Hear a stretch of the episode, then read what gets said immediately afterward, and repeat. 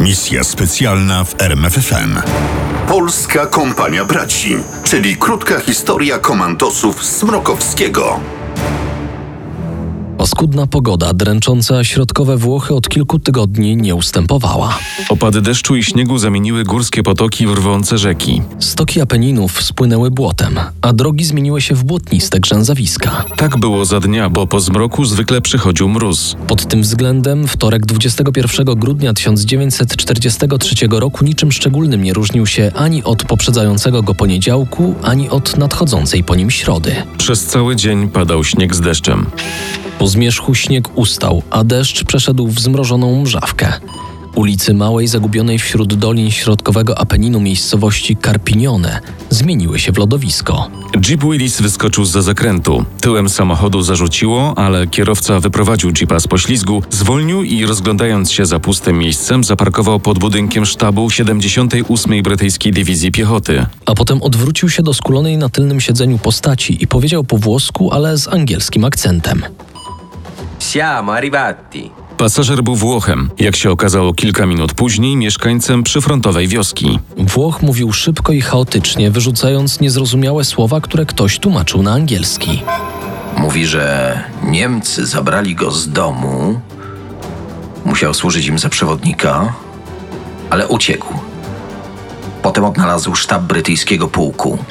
Dowódca pułku odesłał go do sztabu dywizji. Jechali dwie godziny. Gdy Włoch wymienił nazwę miasteczka Pesco Pennataro, oficerowie sztabowi rzucili się do map. Czarne kółeczko miasteczka znaleźli szybko. Leżało wysoko w górach nad doliną rzeki Sangro. Okalał je narysowany kredką niebieski okrąg, a to znaczyło, że w Pesco Pennataro znajduje się jakiś aliancki oddział. Kogo tam mamy? Zapytał milczący do tej pory generał. Six Troop Commando. Padła odpowiedź, 70 komandosów to Polacy. Siedzący w rogu pokoju i zajęty papierkową robotą oficer z czerwonymi naszywkami Poland na rękawach munduru podniósł głowę. dotąd gwar w sztabie niewiele go obchodził, stąd całą uwagę koncentrował na analizowaniu meldunków z frontu. Jedno słowo Polacy, wypowiedziane po angielsku, podziałało na niego niczym magnes. Z gwaru dochodzącego od stołu, przy którym stali pochyleni nad mapą oficerowie, próbował wychwycić jakieś informacje. Pułkowniku Rudnicki. Czy może pan do nas podejść? Usłyszał wreszcie i nie zastanawiając się długo wstał i podszedł do stołu. Pułkownik Klemens Rudnicki był oficerem drugiego korpusu generała Andersa. Do sztabu 78. Dywizji Piechoty przyjechał na staż. Miał słuchać, obserwować i uczyć się, jak walczą Anglicy. Stanął więc obok dowódcy dywizji generała Charlesa Kitley i cierpliwie słuchał tłumaczonych na angielski informacji przyniesionych przez Włocha. Ze słów Włocha wynika, że 250 strzelców alpejskich zaatakuje Pesco Penataro w ciągu Tu spojrzał na zegarek. 4 godzin. W sztabie zapadło milczenie. W jednej chwili atmosfera zrobiła się ciężka. Wszyscy spojrzeli na pułkownika Rudnickiego. Aby przerwać kłopotliwe milczenie, odezwał się brytyjski oficer. Panowie, pomoc nawet wysłana natychmiast będzie spóźniona co najmniej o dwie godziny. Tymczasem strzelcy alpejscy byli elitarną niemiecką jednostką bardzo dobrze przygotowaną do wojny w górach. To nie było tajemnicą dla nikogo w sztabie dywizji. Dlatego generał Kitley z zafrasowaną miną spojrzał na Rudnickiego. Czy pan sądzi, Zapytał. że 90 Polaków da sobie radę z oddziałem wypadowym 250 strzelców alpejskich? Tych 90 Polaków należało do pierwszej samodzielnej kompanii Komando. Jedynej polskiej jednostki komandosów podczas II wojny światowej. Była to istna mozaika, tak pod względem wyglądu zewnętrznego, jak i charakterów. Pisał Maciej Zajączkowski, komandos i autor książki Sztylet Komandosa. Obok ludzi ze średnim czy nawet wyższym wykształceniem, tacy, którym pisanie sprawiało trochę trudności. Obok weteranów kampanii wrześniowej oraz walk we Francji i Norwegii, tacy, którzy dopiero w Szkocji uczyli się trzymać karabin. Wiarusy z Legii Cudzoziemskiej, znający rzemiosło wojenne z Afryki i Indochin, górnicy z emigracji polskiej we Francji i Belgii, dawni żołnierze brygad międzynarodowych w Hiszpanii, ochotnicy z przemysłowych miast Ameryki Północnej i strawiastych bezkresów Argentyny czy Brazylii. Komandosi dotarli do Pesco Pennataro przed trzema dniami, 18 grudnia. Szli tak zwanym traktem mułowym, 6 km górskim szlakiem przez dwa szczyty. Il Campo, 1745 metrów nad poziomem morza i niższym o 200 metrów San Luca. Sprzęt, prowiant i broń dźwigały muły. Najpierw jeszcze z daleka przez lornetkę zobaczyli kikut ceglanego komina. Obok sterczała osmolona ściana zniszczonego domu z pustym otworem okna i schody prowadzące donikąd. Obserwator jeszcze tylko przez krótką chwilę przeszukiwał ruiny miasteczka, a ponieważ nie zauważył nic podejrzanego, dał znak do marszu. Pół godziny później komandosi weszli do Pescopenataro. Gdzieś pośród zniszczonych budynków zauważyli grupkę bawiących się dzieci. Wesołe i beztroskie ignorowały toczącą się wokół nich wojnę. Na obcych żołnierzy nie zwracały uwagi. Inglesi, bo tak nazywali aliantów, byli już naturalnym elementem miejscowego krajobrazu. Miasteczko schowało się za wysoką skałą na lekko pochyłym zboczu. Tylko kościółek i kilka domów wybudowano wyżej, na skraju wysokiej, opadającej pionowo skały. To stąd rozpościerała się szeroka perspektywa na dolinę rzeki Sangro. Zimą przełomu 43 i 44 roku do tej niewątpliwie estetycznej zalety doszła kolejna, taktyczna. Pesco Pennataro wyrosło do miana reduty pilnującej strefy przyfrontowej. Meandrująca w dolinie rzeka Sangro, na której oparł się front, przedzielała dwie armie, dziesiątą niemiecką i ósmą brytyjską. Kiedy przed kilku tygodniami Niemcy wycofali się z miasteczka, wysadzili wszystkie budynki oprócz kościoła i domu burmistrza. I właśnie dom burmistrza zajął sztab kompanii. Pod ścianą na brudnym stole rozłożono mapy. Obok ustawiono radiostację. Radiostacja odzywała się każdego dnia. Zwykle proszono o meldunek krótko opisujący sytuację nad Sangro. A ponieważ nie działo się nic nadzwyczajnego, odpowiadano sytuacja bez zmian. Spokój. We wtorek 21 grudnia 1943 roku, już po zmroku, radiostacja odezwała się po raz kolejny. Tym razem jednak pracowała dłużej. Kiedy wreszcie umilkła, radiooperator wyrwał zapisaną alfabetem Morsa kartkę, zaczął tłumaczyć na angielski. A potem, korzystając z książki kodów, rozszyfrował tekst. Kiedy skończył, odsunął niewygodne krzesło, wstał i przekazał meldunek kapitanowi Smrokowskiemu.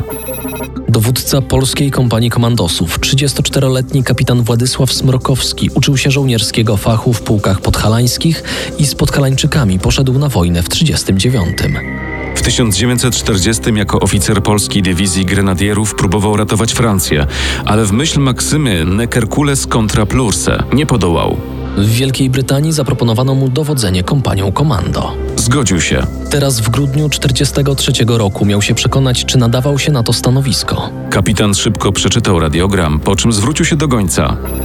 Pięć podowódców plutonów każe im pilnie stawić się w sztabie. Goniec pobiegł. Smrokowski tymczasem rozłożył dokładną mapę doliny rzeki Sangro i zaczął studiować teren. Niewiele jednak zrobił, bo po krótkiej chwili wrócił goniec, a z nim oficerowie.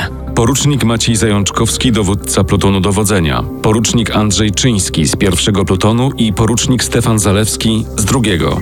Chodźcie, chodźcie. Ponaglał ich Smrokowski. Gdzie Staś? Zaraz przyjdzie. Pomimo dziecięcej formy imienia Staś, a właściwie Stanisław Wołoszowski, był wzorem żołnierza komandosa. Zarówno pod względem fizycznym, jak i moralnym. Może właśnie dlatego Smrokowski wybrał go na swojego zastępcę. Wszyscy oficerowie kompanii mówili do siebie po imieniu. Byli przyjaciółmi. Można by powtórzyć za Henrykiem V kompanią braci. Ale byli również żołnierzami. Najlepszymi z najlepszych. Obok cichociemnych najlepiej wyszkolonymi do zadań specjalnych. Dlatego mimo koleżeńskich relacji zawsze pamiętali, że wódz jest jeden. I słuchali go bezwzględnie. Usiedli przy stoliku nad mapą. Po chwili dosiadł się rotmistrz Wołoszowski. Tylko kapitan Smrokowski nie usiadł. Wolał mówić na stojąco. Spodziewamy się gości, panowie. Zaczął Smrokowski. Niemcy przygotowują natarcie, prawdopodobnie w sile batalionu. Skąd to wiesz? Zapytał Zajączkowski. Patrol czy radio? Patrol nic nie wywęszył. Ostrzegli nas przez radio ze sztabu 78. Dywizji. I Smrokowski przeczytał. Nieprzyjaciel w marszu. Natychmiast zorganizować obronę. Za wszelką cenę utrzymać miejscowość. Dowódca najbliższego pułku piechoty nie może udzielić żadnej pomocy poza położeniem ognia artylerii na przedpole. Dobre i to. Po krótkiej naradzie rotmistrz Wołoszowski przeszedł do pokoju łączności. Musiał przygotować namiary celów dla artylerzystów. Robota wymagała precyzji, ponieważ miejsca, w które miała celować artyleria, znajdowały się tuż przed liniami obronnymi komandosów. Natomiast Zajączkowski, Czyński i Zalewski odebrali szczegółowe rozkazy od Smrokowskiego i popędzili do plutonów. Zajączkowski rozłożył swój pluton po wschodniej stronie miasteczka i pilnował jednej z dwóch dróg prowadzących do Pesko. Tak Polacy skrócili sobie długą nazwę.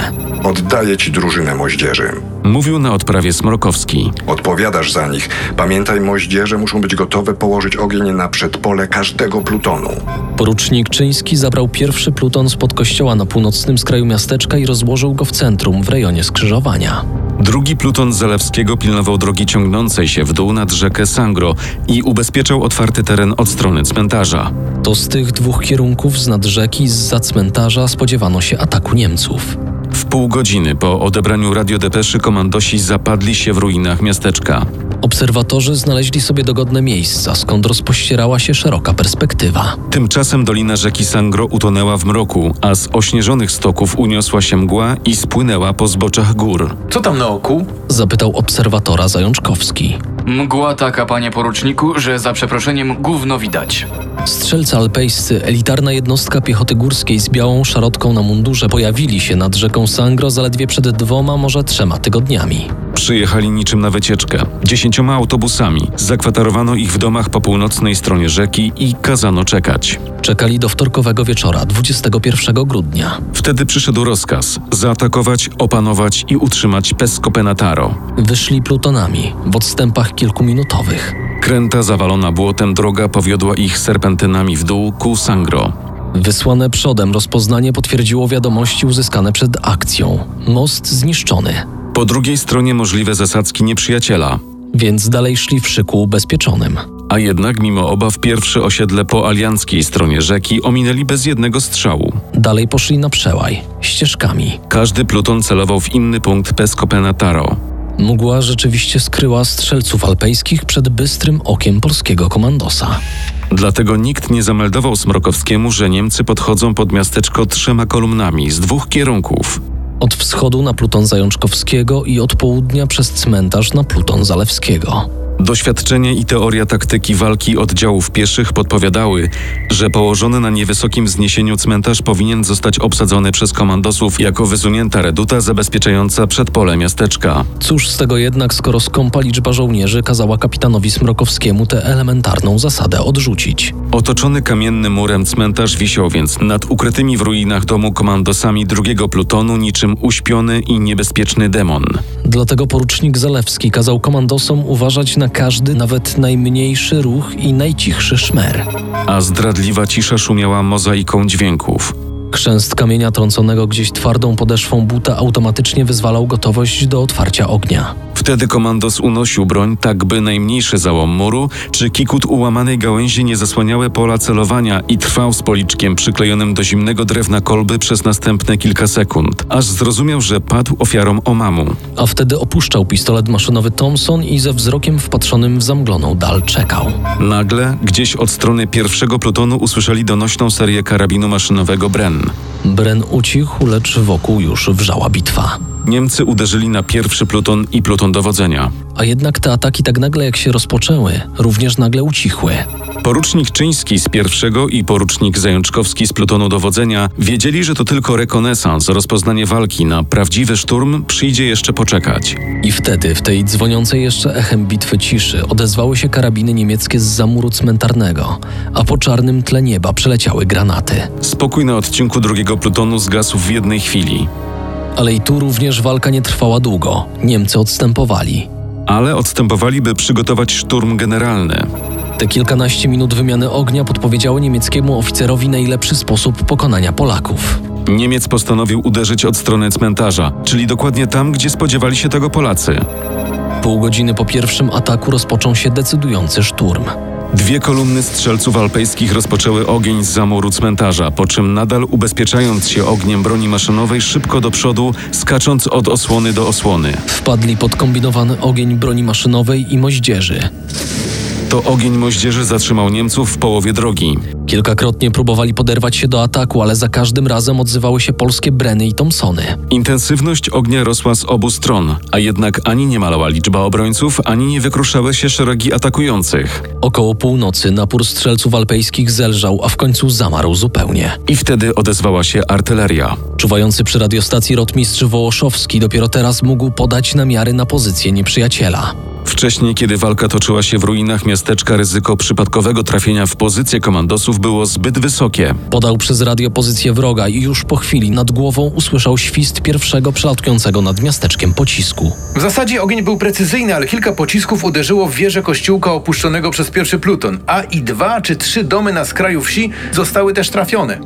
Wiele pocisków padło na skalną grań osłaniającą Pesco Penataro od północnego zachodu. Pisał Zajączkowski. Nie był to jednak koniec bitwy. Jeszcze kilkakrotnie strzelcy alpejscy podrywali się do ataku, ale za każdym razem przekonywali się o determinacji komandosów. Wreszcie około czwartej nad ranem uznali się za pokonanych i odeszli. W ciepłej kwaterze sztabu 78. Dywizji pułkownik Klemens Rudnicki i generał Kitli niecierpliwie czekali na meldunek z PESCO. Brytyjczyk miał pewne obawy o wynik bitwy i nie chodziło bynajmniej tylko o przewagę liczebną Niemców. Kitli widział w Polakach żołnierzy nowych, nieobeznanych jeszcze z nowoczesną wojną. Doświadczenie, jakie część z nich zdobyła w przegranych kampaniach 1939 oraz 1940 roku, jego zdaniem nie stanowiła cennego dorobku. Owszem, wiedział, że komando to dobrze wyszkoleni żołnierze, ale wiedział też, że dopiero walka o Pesco Pennataro miała pokazać ich prawdziwą wartość. Na meldunek czekano do świtu. Był lakoniczny. Atak odparty. Na przedpolu zostało 20 niemieckich trupów. Polacy mają trzech rannych, w tym jeden ciężko. Komandosi udali się w pościg za nieprzyjacielem. Kapitan Smrokowski chciał dokończyć dobrze rozpoczętą robotę. Kiedy więc okazało się, że ataki Niemców nie powtórzą się, kazał Zajączkowskiemu, Czyńskiemu i Zalewskiemu wysłać patrol za odchodzącym przeciwnikiem. Wyszli o 7.15. Niemal na każdym kroku trafiali na ślady strzelców, plamy krwi, rozdeptane stanowiska strzeleckie z dzwoniącym pod butami metalem łusek, strzępy bandaży i mundurów. I ani jednego ciała. Rannych i zabitych zabrali Niemcy ze sobą. Za Sangro. I już nie wrócili. W Pesco w sztabie kampanii komando nie było radości. Za to był chłodny, rzeczowy profesjonalizm. W gabinecie dowódcy zamknęli się w piątkę Smrokowski, Wołoszowski i trójka dowódców plutonów. Rozmawiali długo, analizując nocną walkę szturm po szturmie, rozkaz po rozkazie. A potem w dzienniku bojowym kampanii napisano: Pierwszy chrzest bojowy całej kompanii wykazał dużą zaciętość i chęć walki. Jednak wykazał również brak doświadczenia i pewne zdenerwowanie. Misja specjalna w RMFFM. Na tropie największych tajemnic historii.